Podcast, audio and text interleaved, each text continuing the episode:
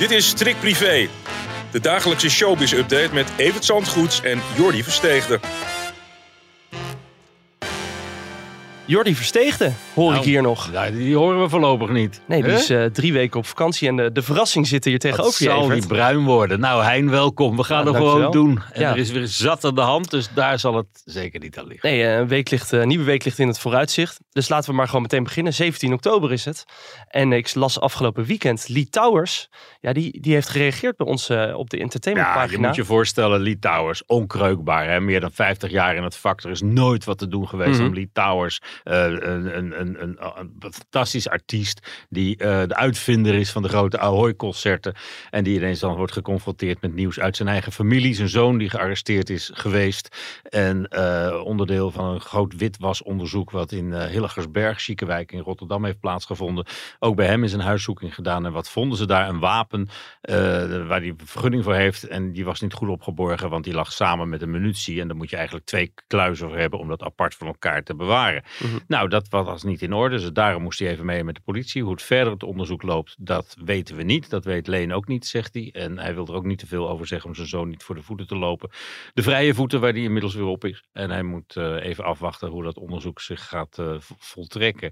En ja, dat is een enorme slag voor Lee en voor, eh, voor Leen en voor Laura, zijn vrouw. Want juist omdat er met hun niks aan de hand is. En ze ook nog eens de verhuisstress hebben van Ja, dat, Scheveningen ja. naar, naar Rotterdam.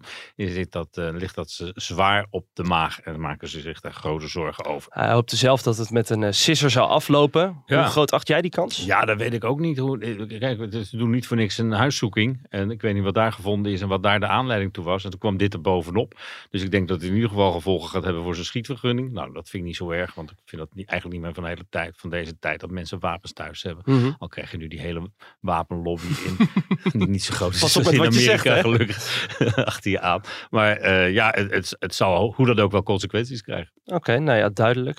Eh, we gaan even naar nieuwe muziek luisteren. Ben je er klaar voor? Ja, zeker.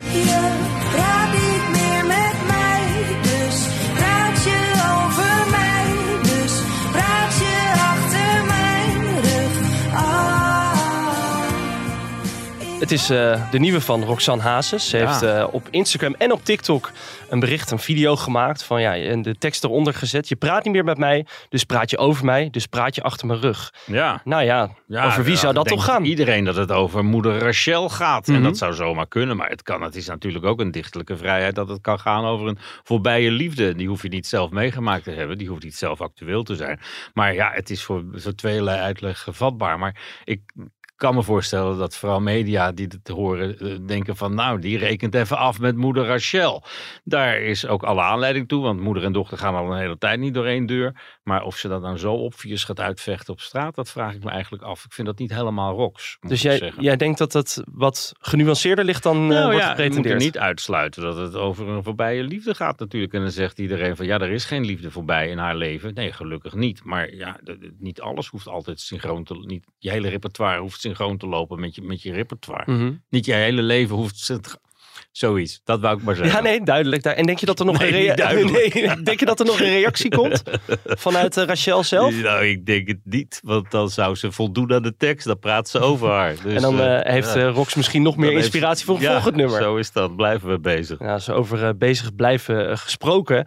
We gaan straks naar de hobbyisten op de NPO. Daar is ja, toch wel wat gedoe om. Ja. Vanuit de reactie van Marcel en Gijs. Eh, Daar komen we straks wel even op. Maar eerst een schitterende actie vanuit, eh, eh, vanuit Engeland. Ik zag dat het bezaaid licht. Lach, Heel Engeland ja. lag licht. Ja, lach- Met beertjes. Bezaaid met bloemen natuurlijk. En, en, en boterhammen met, eh, met jam. Moeten heel rijke mensen geweest zijn. Die tegenwoordig nog boterhammen op straat gooien. Inflatiegevoelig wel. Ja, en eh, ja, die beertjes Paddington, dat is natuurlijk een symbool geworden van koningin Elizabeth. Zowel van haar feest deze zomer als van haar overlijden kort daarna. En er lagen er meer dan 1200 tussen de bloemen. Gelukkig zijn die allemaal eh, verzameld en worden ze gereinigd. En gaan ze naar een goed doel. En Camilla, die lijkt zich daar zelfs persoonlijk mee te bemoeien, de nieuwe koningin. Want die poseerde gisteren met die 1200 beertjes. En die zegt dat ze naar een eh, goed doel gaan voor eh, getraumatiseerde kinderen die dan allemaal een Paddington beertje krijgen. Kunnen we dat zien als een charme-offensief van Camilla? Nou, ik weet niet of dat nodig is. Ze waren al behoorlijk populair geworden de afgelopen tijd. Maar het is leuk dat ze zich er even tegenaan bemoeit, lijkt me. En stel je voor dat er iemand van, eh, vanuit ons eigen koningshuis zou komen te overlijden. Welke knuffel gaan we dan op straat zien liggen? Nou, dat zou wel een, een typisch Nederlandse knuffel zijn. Hè? Een nijntje of zo. Oh ja, dat vind ik wel een hele Ja. goeie. Nou ja, goed. Oranje nijntje. ik zal ze misschien alvast eh, gaan inslaan dat ik er nog wat handel uit kan halen. Of Oh is dat ja, een beetje dat lijkenpikkerij? Dat weet je wel, denk ik. Nou goed, dan gaan we maar eh, rustig door. Gisteravond, zondagavond, was een opvallend moment op de NPO.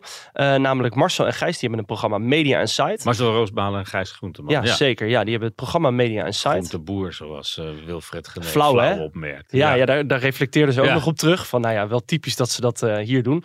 En daar kwam, eh, ja, ging het over de grote kleine treintjescompetitie. En dat klonk zo. Het werkt ontzettend saai. Er gebeurt heel erg weinig in. Ook André van Duin kan het niet redden. Ik kan me niet voorstellen dat Jan Slachter hier blij mee is. Er schijnen miljoenen mensen naar te kijken. Ik snap niet precies waarom. Marcel, jij hebt er ook naar gekeken. Ik heb er ook naar gekeken, Gijs, met, eh, met ja, afkeer eigenlijk. Dan kijk je eens goed naar al die mensen en denk je, het is net sociale werkplaats televisie. het is, Ja, nou, dat is toch een beetje flauw ook. Ja? Huh? Ja, vind ik wel. André van Duin maakt dat programma. Er kijken anderhalf miljoen mensen naar. Trekt inmiddels meer kijkers dan de overkant bij, bij, met Linda. En, eh, het, het, het voldoet gewoon in een behoefte. En, en de NPO hoeft toch niet alleen maar zo serieus en, en zo te zijn. Ik, ik snap dat je, als je een succes hebt als Hol- heel Holland bakt, dat je op zoek gaat naar eh, eh, i- iets Een je- equivalent. ja, iets- nou daar hebben ze dit bij gevonden. En inderdaad, het heeft wel overeenkomsten met zo'nzelfde jury en, en André natuurlijk. Maar als daar zoveel mensen naar kijken, dan voldoet het wel degelijk in een behoefte. En dan weet ik niet of je het meteen met een sociale werkplaats moet vergelijken. En wat vind je ervan dat eh, Marcel van Roosmalen en Gijs Groenteman, nou, die horen ook bij het NPO-imperium, dat zij dan in hun eigen programma... Nou, dat moeten ze lekker zelf weten. De ene omroep is de andere niet. Daarom is het juist, eh, hè, het moet allemaal eh, verschillend zijn. Al die verschillende zuilen binnen de NPO.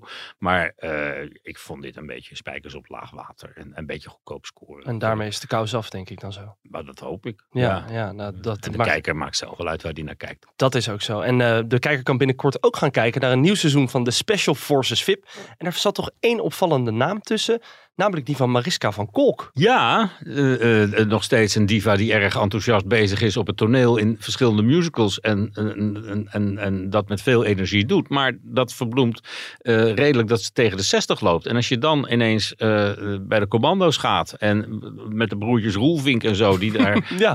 die jongens, die, de namen die normaal, Ferry Doedens namen die normaal gesproken voor dit soort programma's eh, vallen. Dan eh, kan ik me voorstellen dat je toch staat te kijken van, hey, doet zij daaraan mee met de stormbaan en alles wat er te wachten staat. Maar dat doet ze. Ja, ik, ik vind die mensen die zich voor alles maar lenen en al die programma's die van die VIP-versies krijgen, dat is op een gegeven moment een beetje strontvervelend aan het worden. Er komen er nog veel meer aan, begrijp ik, uit het Hilversumse. En dan, eh, ja, dan moet je toch wel goed overwegen om daaraan mee te doen voordat je dat doet. En als ze dat doet, ja, ik, ik snap niet helemaal dat je op je zestigste denkt dat je nog mee kan met die anderen die Nee. in de twintig zijn. Maar het is wel leuk toch dat we een keer een ander gezicht krijgen te zien dan de usual suspects die je net opnoemt. Eh, ja, dat is zeker zo. En ik vind het hartstikke moedig dat ze dat doet hoor. Voor volk en vaderland. Die, die, storm, die stormbaan over en de code. En, Dus ja, het is. eh, we gaan zien hoe ver ze het eh, schopt. Mogen ze jou bellen?